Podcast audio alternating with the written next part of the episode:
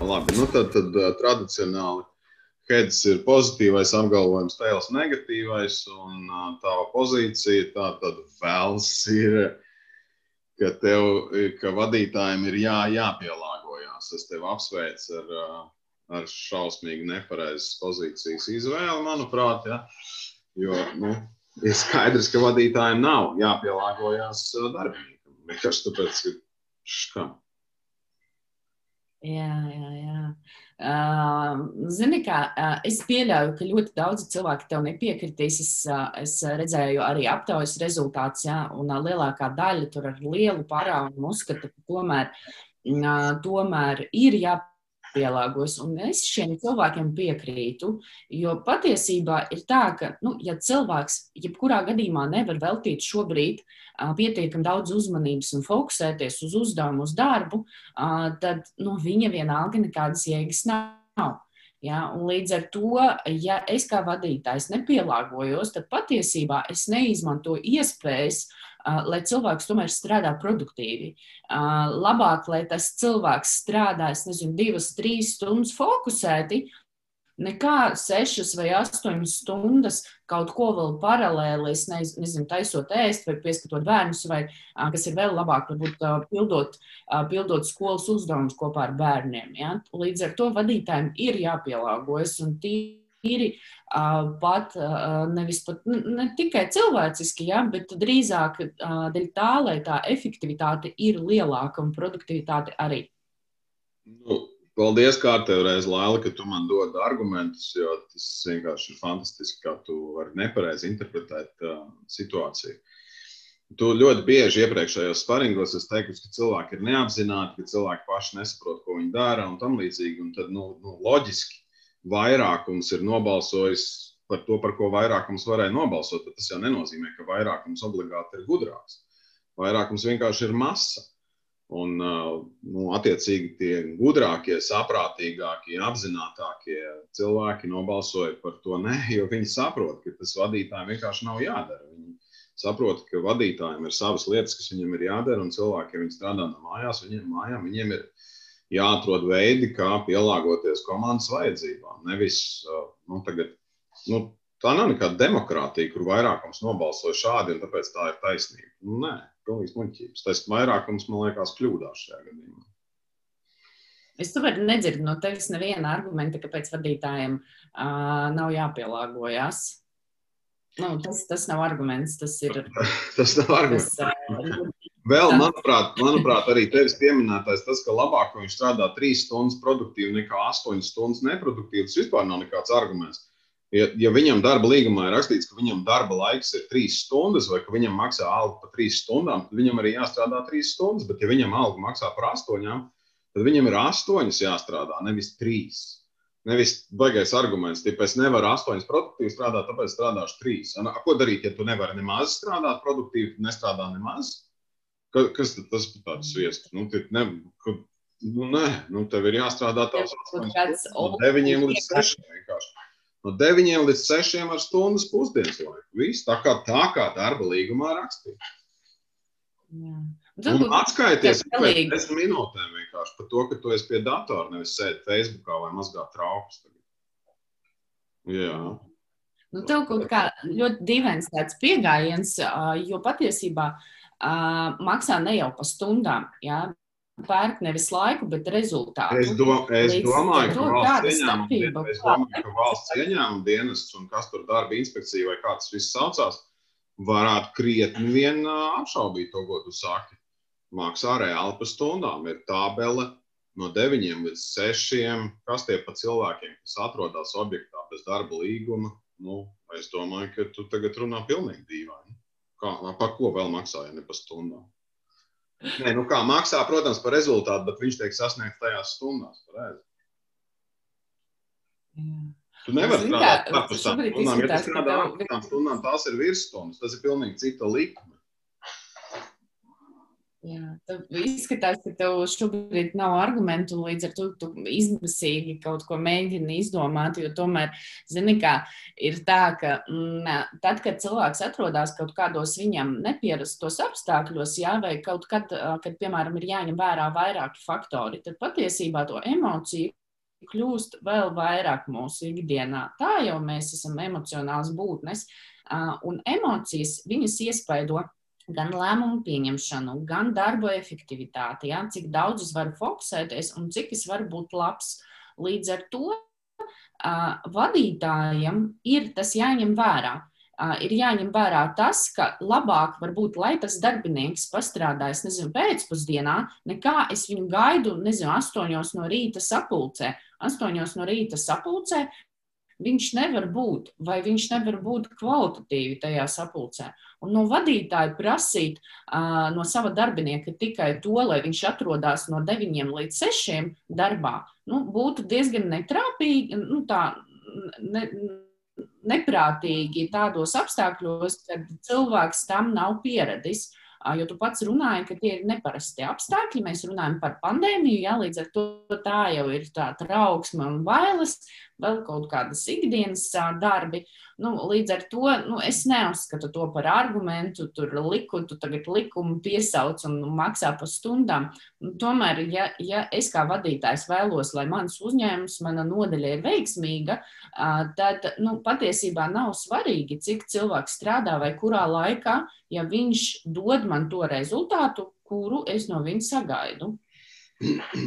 Nu, ja viņš to rezultātu var sasniegt trijās stundās, tad iespējams man vajag mazāk darbinieku nekā man viņi ir. Nu, kādi, kādiem tā ir puslodes. Tāpat nav puslodes reāli trīs stundas, bet nu, labi, pieņemsim puslodes. Nu, tad viņš arī saņem algu par puslodzi, ja viņš strādā tikai trīs stundas vai nu, tri, četras. Ja. Nu, kas tas par argumentu? Nu, arī tu man liekas, pašlaik ej prom no tā viena argumenta uz citu kaut kādu. Ja? Nu, kā, vēlreiz, ja tam darbiniekam maksā par astoņām un viņam ir Un tas darba apjoms, kas viņam ir jāpaveic, ir paveicams tikai astoņās stundās. Kā, kā gan viņš to paveic trijās? Un, ja viņš to var paveikt trijās, nu, tā, tad, tā ir puslodes. Nu, tas tā kaut kā dīvaini. Tad, ko tas vadītājs pirms tam darīja? Viņš nesaprot, ka to darbu var izdarīt trijās stundās. No desmit cilvēkiem viņam var palikt tikai trīs. Jo visi trijās stundās visu fantastiski paveic. Kaut arī pirms tam darba vietā viņi varēja to tikai astoņās stundās izdarīt. Nu, labi, tas ir kurā gadījumā arguments par pielāgoties vai nepielāgoties. Drīzāk ir arguments par cik tad mēs īstenībā esam efektīvi tajās savās darba vietās. Es nedomāju, ka tas vispār būtu jāizmanto kā arguments pie šīs diskusijas. Tā kā, kā to boxā teikt, ka tas ir nepareizs sitiens, tev soda punkts vai kaut kā tā līdzīga? Nekā nepiekrītu, jo, zini kā, nu tomēr tā ir komunikācija, tie ir cilvēku attiecības. Un, ja es kā darbinieks zinu, ka mans vadītājs iet man pretī, tad, zinu, kā tāds cilvēka daba ir tāda roku, roka mazgā. Ja? Un iespējams, ja es saprotu, ka tiešām man iet pretī, tad arī kaut kādos jautājumos es nākšu pretī savam vadītājam. Jo reizēm, reizēm ir jāpaliek vakarā, varbūt mhm. reizēm ir kaut kur vairāk jāpastrādā pie kaut kāda projekta. Un, ja man ir tāds vadītājs, kuru tu apraksti, kurš vienkārši aicina no 9 līdz 6 būt darbā un absolūti nav elastīgs pret mani, tad kāpēc man kaut kādā brīdī, brīdī kad viņš palūgs, vajadzētu palikt, piemēram, pēc 6? Teikšu, nē, man darba laiks ir līdz 6. Sorry, tiec galā pats. Ja? Tad, attiecīgi, arī no tāda viedokļa, ka nu, ja tu pielāgojies vienā vietā, tad tev pielāgosies kaut kādā citu, citā vietā. Ja? Es tev, tu man. Un, un šādas attiecības ir normālas attiecības mūsdienu sabiedrībā, arī darba vietā. Labi, nu, varbūt nav tik svarīgi tas no 9 līdz 6. Vairāk drīzāk ir jautājums par to, ka, ja sapulcs ir desmitos, tad darbiniekam ir jāatrod veids, kā viņš tajos desmitos var būt produktīvs. Nevis es nevaru, es gribu, lai sapulcs ir 8 vakarā nu, tas nav nu, atkal, tur, teiksim, viens cilvēks nevar desmitos, cits nevar vienpadsmitos, vēl kāds nevar trijos. Un beigās tā sapulce nevar notikt, jo mēs nevaram nekādīgi salāgot nezinu, septiņu vai desmit cilvēku vēlmes. Vienam tur ir pirmklasnieks, vienam tur ir bērngārznieks. Tāpēc, ka tiem, kam ir bērngārznieki, viņš ir aizvedis bērnus uz bērngārzu, viņš no rīta var. Tiem, kam ir pirmklasnieki, tie no rīta nevar, tāpēc, ka bērniem ir zūms. Bērngārznieki nevar vakarā, tāpēc, ka bērni ir atpakaļ no bērngārza. Pēc tam viņi atkal nevar, tāpēc, ka bērniem bērngārzā ir karantīna. Nu, kad tad? Nu, tas tā kā ar Emīlu. Ja, tā kā, tā kā man ir nauda, tad es nedrīkstu dzert, tā kā man nav naudas, tad es nevaru dzert. Kad tad lai es dzeru? Nu, kad tad lai to sapulci taisa? Ja tā kā neviens nekad nevienā brīdī nevar. Nu, nu, tas ir par to, ka ne, nu, vadītājs saka, nē, sapulce ir desmitos. Un, un tad tas viens vai divi cilvēki, kuriem desmitos tā ir problēma, viņi pielāgojās. Tāpēc, ka visi pārējie tajos desmitos var. Ja pretējā gadījumā mēs vienkārši nekad neatradīsim laiku, kad mēs visi kopā varam būt tajā sapulcē. Jo nu, kāds pasakā, es nevaru septiņos, man septiņos ir mans privātais laiks. Es nepielāgojos jums, jūs nepielāgojaties man, tā kā tu teici. Ja? Nu, kā, es negribu septiņos, man ir vakariņas ar sievu. Ja? Nu, nē, desmitos un visi ir tajos desmitos. Pie kam, ja mēs zinām, ka desmitos katru nedēļu, desmitos ir tā sapulce, mēs varam ieplānot savu dzīvi, savu laiku pie tās sapulces, nevis katru reizi mētāties. Ej, pēkšņi tur bērngārzā karantīna, tagad nav desmitos, tagad ir trijos. Ej, bērngārzā nav vairs karantīna, tagad ir nav trijos, ir desmitos. Nu, Tas ir pilnīgs bārtaks kaut kāds nenormāls. Kā tu vadītājiem darīt tos savus citus darbus, ja viņš nepārtraukti tikai pielāgosies kaut kam? Es reāli dusmīgs esmu par to, ko tu saki. Man liekas, tas ir pilnīgi destruktīvi. Tā, tādā veidā nevar strādāt. Zini, kā Zini, kā tu bišķiņ pārspīlēji, jo tomēr tās darba dienas ir piecas uh, nedēļā, jā, un gan jau, ka satikties var. O, kāds nevar pirmdienā, kāds nevar trešdienā, piekdienas pēcpusdienā, es nevaru, man jābrauc uz jūru, pirmdien no rīta es nevaru, man paģirs, nu, tā kā atkal, ja tur sākās. Tu, nē. Desmit. Ir jautājums, kā tu vadi savu kā tu vadi savu komandu, ka tu nevari ar saviem cilvēkiem vienoties par vienu tikšanās laiku. Tas ir viens. Otrs, tad ir jautājums, vai vispār šīs tikšanās ir nepieciešamas. Ja? Varbūt ir vērts taisīt viņas retāk ja? un vienoties par tikšanās reizi divās nedēļās vai reizi mēnesī. Un kaut kādas problēmas vai jautājumus risināt kaut kādā citā veidā šobrīd ir ļoti daudz dažādu iespēju. Es tomēr uzskatu, ka vadītājiem ir jāņem vērā un jāvienojās ar savu komandu par iespējamiem risinājumiem. Ja? Un tikties zūmā nav vienīgais risinājums, kā uztaisīt sapulci. To iespēju ir ļoti, ļoti daudz. Ir gan čati, uh, gan, es nezinu, kaut kādas vietnes, kur var atstāt uzdevumus, un katrs var atstāt arī ziņu, kā viņam sokās. Nu, nav jau tā, ka ir tikai melns un balts. Ja? Ir tie risinājumi, un ir ļoti daudz to risinājumu. Un, ja cilvēks tiešām nevar, un vadītājs to neņem vērā, nu, tā re, regulāri, tad sāksies problēmas. Nu, tad tās vienkārši ir neizbēgamas. Uh, Ja, ja es kā cilvēks strādāju, un es saprotu, ka manam vadītājam ir vienkārši pie pakaļas, es atvainojos, tad es nestrādāšu tādā komandā. Jo es esmu cilvēks, un manas vajadzības arī ir jāņem vērā.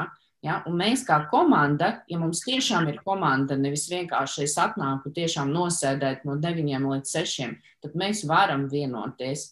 Un patiesībā vadītājs var piedalīties šajā vienošanās procesā un pielāgoties savai komandai. Manuprāt, tieši šī frāze pie pakaļas ir ļoti laba šajā gadījumā, jo tieši tā, ja tev kā darbiniekam ir pie pakaļas, kādas ir komandas vajadzības, tad arī komanda nu, neies un nepielāgosies tev. Tas droši vien ir par kaut kādu sinerģiju un kaut kādiem kompromisiem, bet nevis uh, pozām, tipa es tagad nevaru, tagad iztieciet bez manis.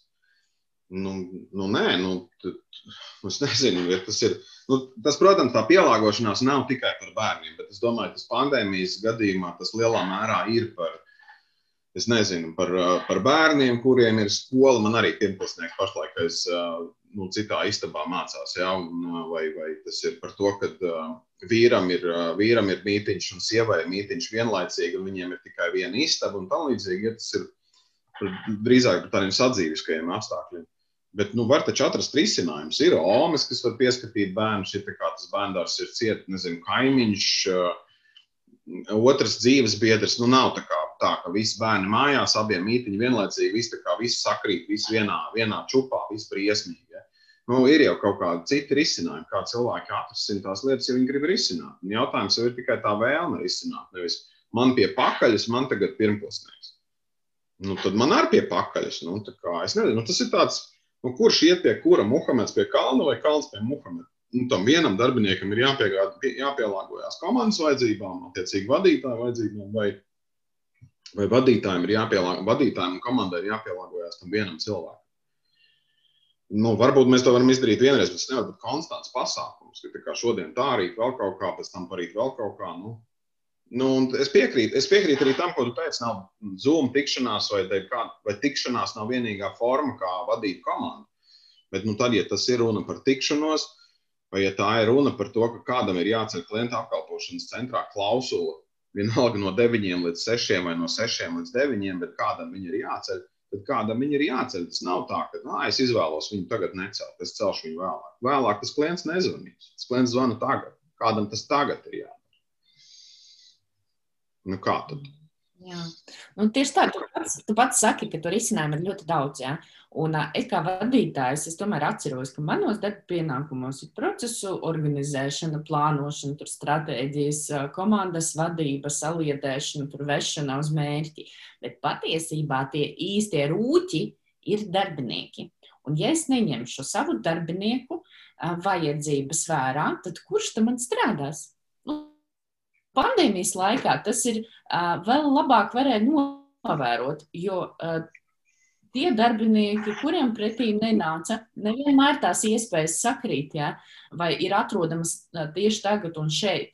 Mm, un tie darbinieki, kuriem nenāca pretī, viņi vienkārši gāja prom no darba, jo valsts atbalstīja un sēdēja uz pabalstiem un joprojām sēž. Šobrīd valstī ir milzīga problēma atrast cilvēkus, uh, jo viņi vienkārši, nu, viņiem tā kā nav vajag. Viņi saņem pabalstus, un viss kārtībā, viss notiek. Cilvēki ir samierinājušies ar to, ka, ai, iespējams, man dzīvē neko tad īsti arī nevajag, es baudīšu dabu, putniņus un sēdēšu mājās. Bet vadītāja pienākums ir tomēr motivēt un iesaistīt savus darbiniekus, lai viņi paliek darbā, lai viņi strādā Jo pats vadītājs patiesībā ir nekas. Viņš ir vienkārši organizētājs un plānotājs. Līdz ar to šeit pat nav jautājums par to visu nolu. Te viennozīmīgi darbinieki un komanda ir tie noteicēji. Un tad man kā vadītājam, gribu es to vai negribu, ir jāņem tas vērā. Neatkarībā no tā, ka es saņemu vairāk, es esmu varbūt tā kā augstāk samatā, tās visas ir blēņas mana komanda ir noteicējis pār manu laiku patiesībā. Vadītājs savu laiku neplāno praktiski pats nemaz, jo viņš vienmēr pielāgojas kādam citam. Totāla anarhija. Ko tu krati galvu? nu, es nezinu, tas vienkārši man nav ko teikt. Man vienkārši nav ko teikt. Nu, ko nozīmē vadītājs neplāno? Kurš tad plāno, ja ne vadītājs? Tas tieši vadītājs plāno savu komandas laiku, nezinu, izpildīs kaut kādus KPI mērķus.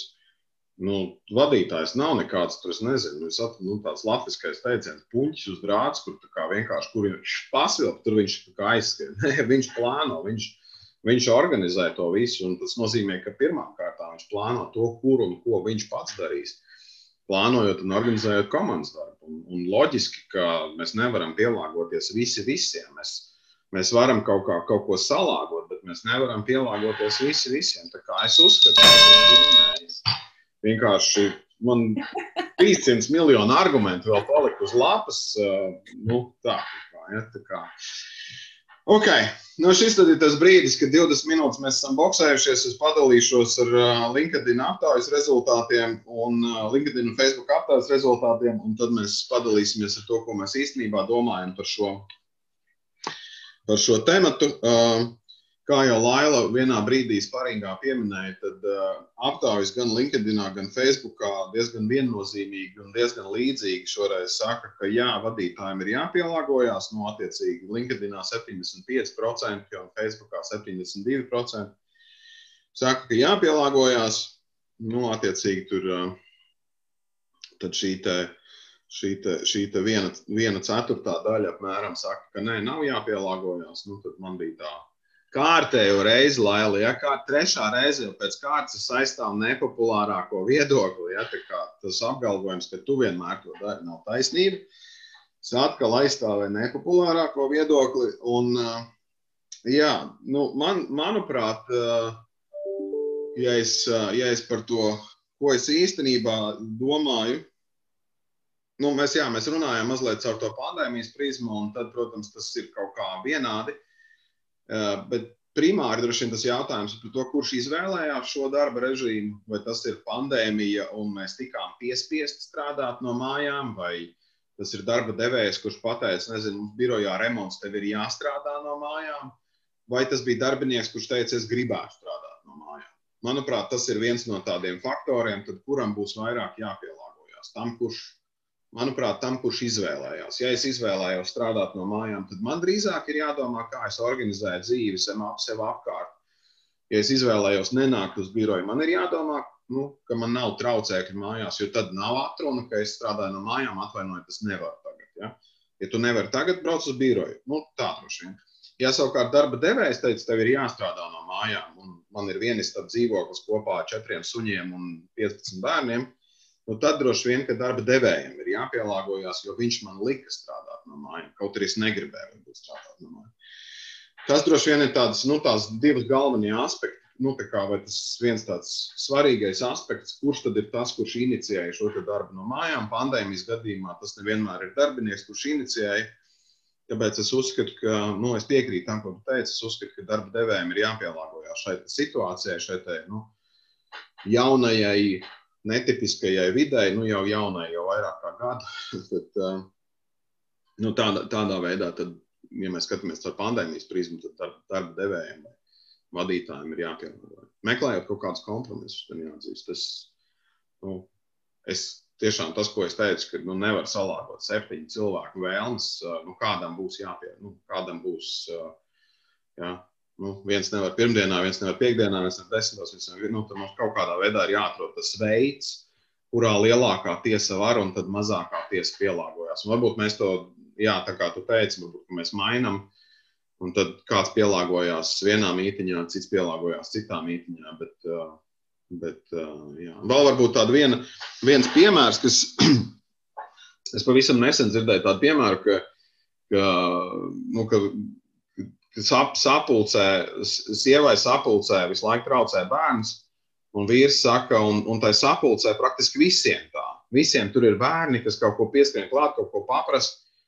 Un tad ir jautājums, tā sapulce tiešām ir efektīva. Nu, tā kā tiešām, nu, tā kā tas vadītājs tiešām neredz, ka pašlaik sapulce ir neefektīva. Jo puse vai lielākā daļa no komandas patiesībā ir puse no laika, kaut kur citur. Nu, tad atrodam to laiku, kad tie bērni vai nu guļ vai, vai dara kaut ko citu, un mēs varam uztaisīt to sapulci, un viņi būtu nevis stundu, bet 20 minūtes. Jā, nu varbūt tas ne pārāk strukturēti, bet uh, ko tu domā, Lāna? Jā, uh, nu, ziniet, te arī man, man ir uh, viedoklis patiesībā. Ja? No vienas puses, um, no vienas puses kas strādā arī attālināti, viņš saņem naudu par kaut ko, un viņš nevar saņemt. Es esmu tagad mājās, un es tagad nevaru strādāt. Ja, tam rezultātam tomēr ir jābūt. No otras puses, nu, strādājot oficiālā, mēs arī diezgan daudz laika tērējam tur papļāpāšanai, kafijas taisīšanai. Un reizēm es zinu, ka man ir tagad divas stundas, piemēram, reizēm pat ir efektīvāks. Ja? Tieši, ja skaidrs darbu skaitu uz laika vienību. Šeit drīzāk ir tas um, izaicinājum, pa, izaicinājums pašam vadītājam, ja, kā tad man uzticēties darbiniekiem, kā man pārbaudīt, vai viņi tiešām sniedz maksimāli labo rezultātu. Neieslīgstot kaut kādā mikromanagementā, diezgan daudz um, ir dzirdēti šobrīd gadījumi, kad vadītājs tik ļoti tālu ja, ka cilvēks vispār nejūtās vairs, nu, kā, nu, viņam nērti, ka viņu visu laiku pārbauda, ka tas vadītājs vairākas reizes dienā zvana. Atbildi tagad uzreiz sekundē. Ja, tad šeit varbūt ir tas par to izpētīt panākt, lai darbinieks tiešām iedod man to rezultātu, ko es no viņas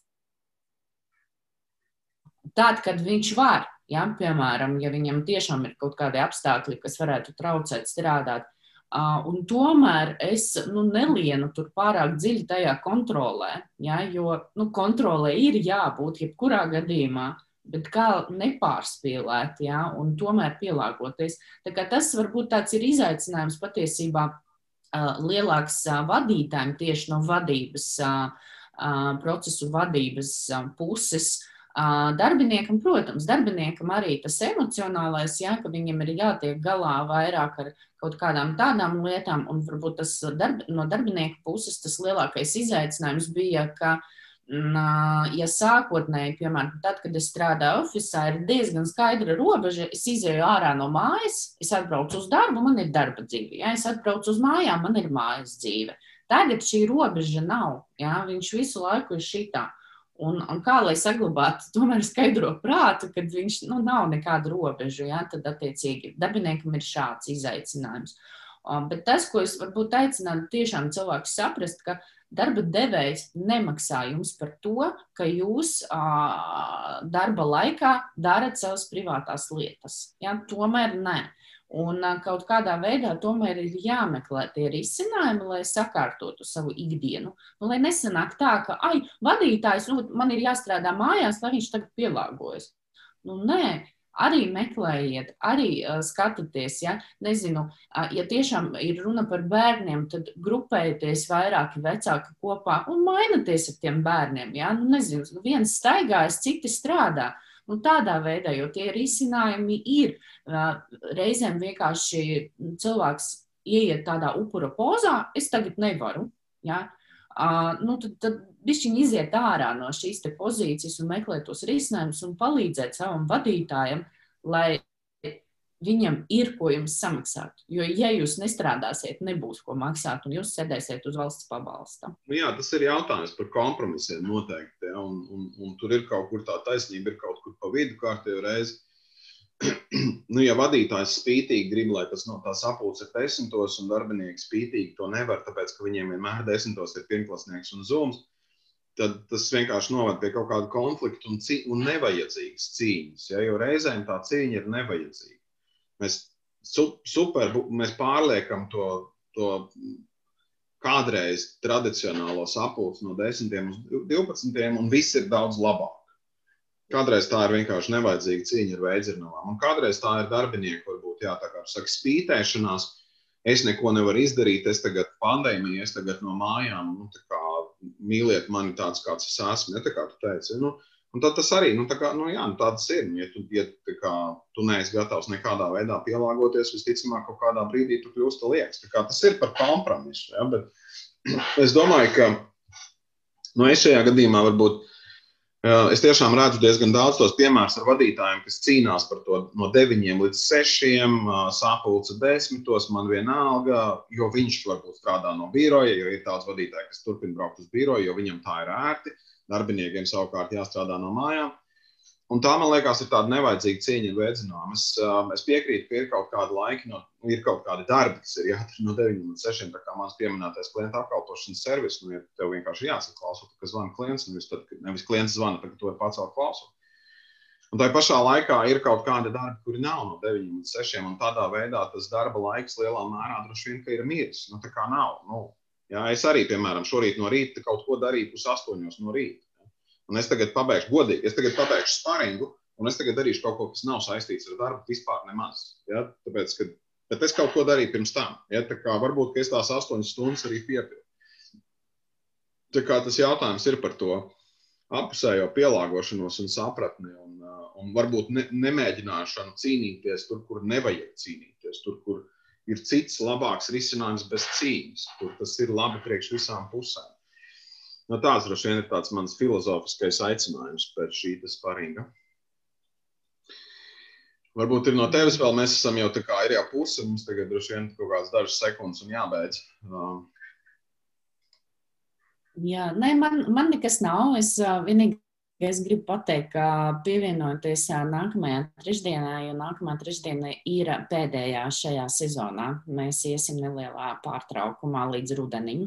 Jā, mēs esam daudz tos zilumus uzsituši viens otram. Un Bet nākamā trešdiena, manuprāt, tāda laba tēma priekš, priekš sezonas noslēguma. Draudzīgas attiecības vadītājiem palīdz vai traucē sasniegt rezultātu. Um, jau ir aptauja ielikt, un tur bija tāds ļoti interesants komentārs par to, cik draudzīgas. Ja? Bet, nu, acīm redzot, tad ir kaut kāds draudzīguma līmenis, kur šis jautājums kļūst aktuāls. Vai tas ir labi, vai tas nav labi. Nu, tad šis tad ir tas draudzīguma līmenis un jautājums, par kuru mēs uh, diskutēsim, jā, vai tas ir labi vai nav labi. Ja darbiniekam ir draudzīgas attiecības ar vadītāju, un, un vai tas palīdz vadītājiem sasniegt rezultātu vai nē. Tā kā jā, nākamā trešdiena, kā jau katram seriālam, pēdējā sezonas sērija ir tā viskarstākā droši vien. Ja? Tā kā uz tikšanos un lai jums fantastiski šī atlikusī nedēļa. Uz redzēšanos visiem!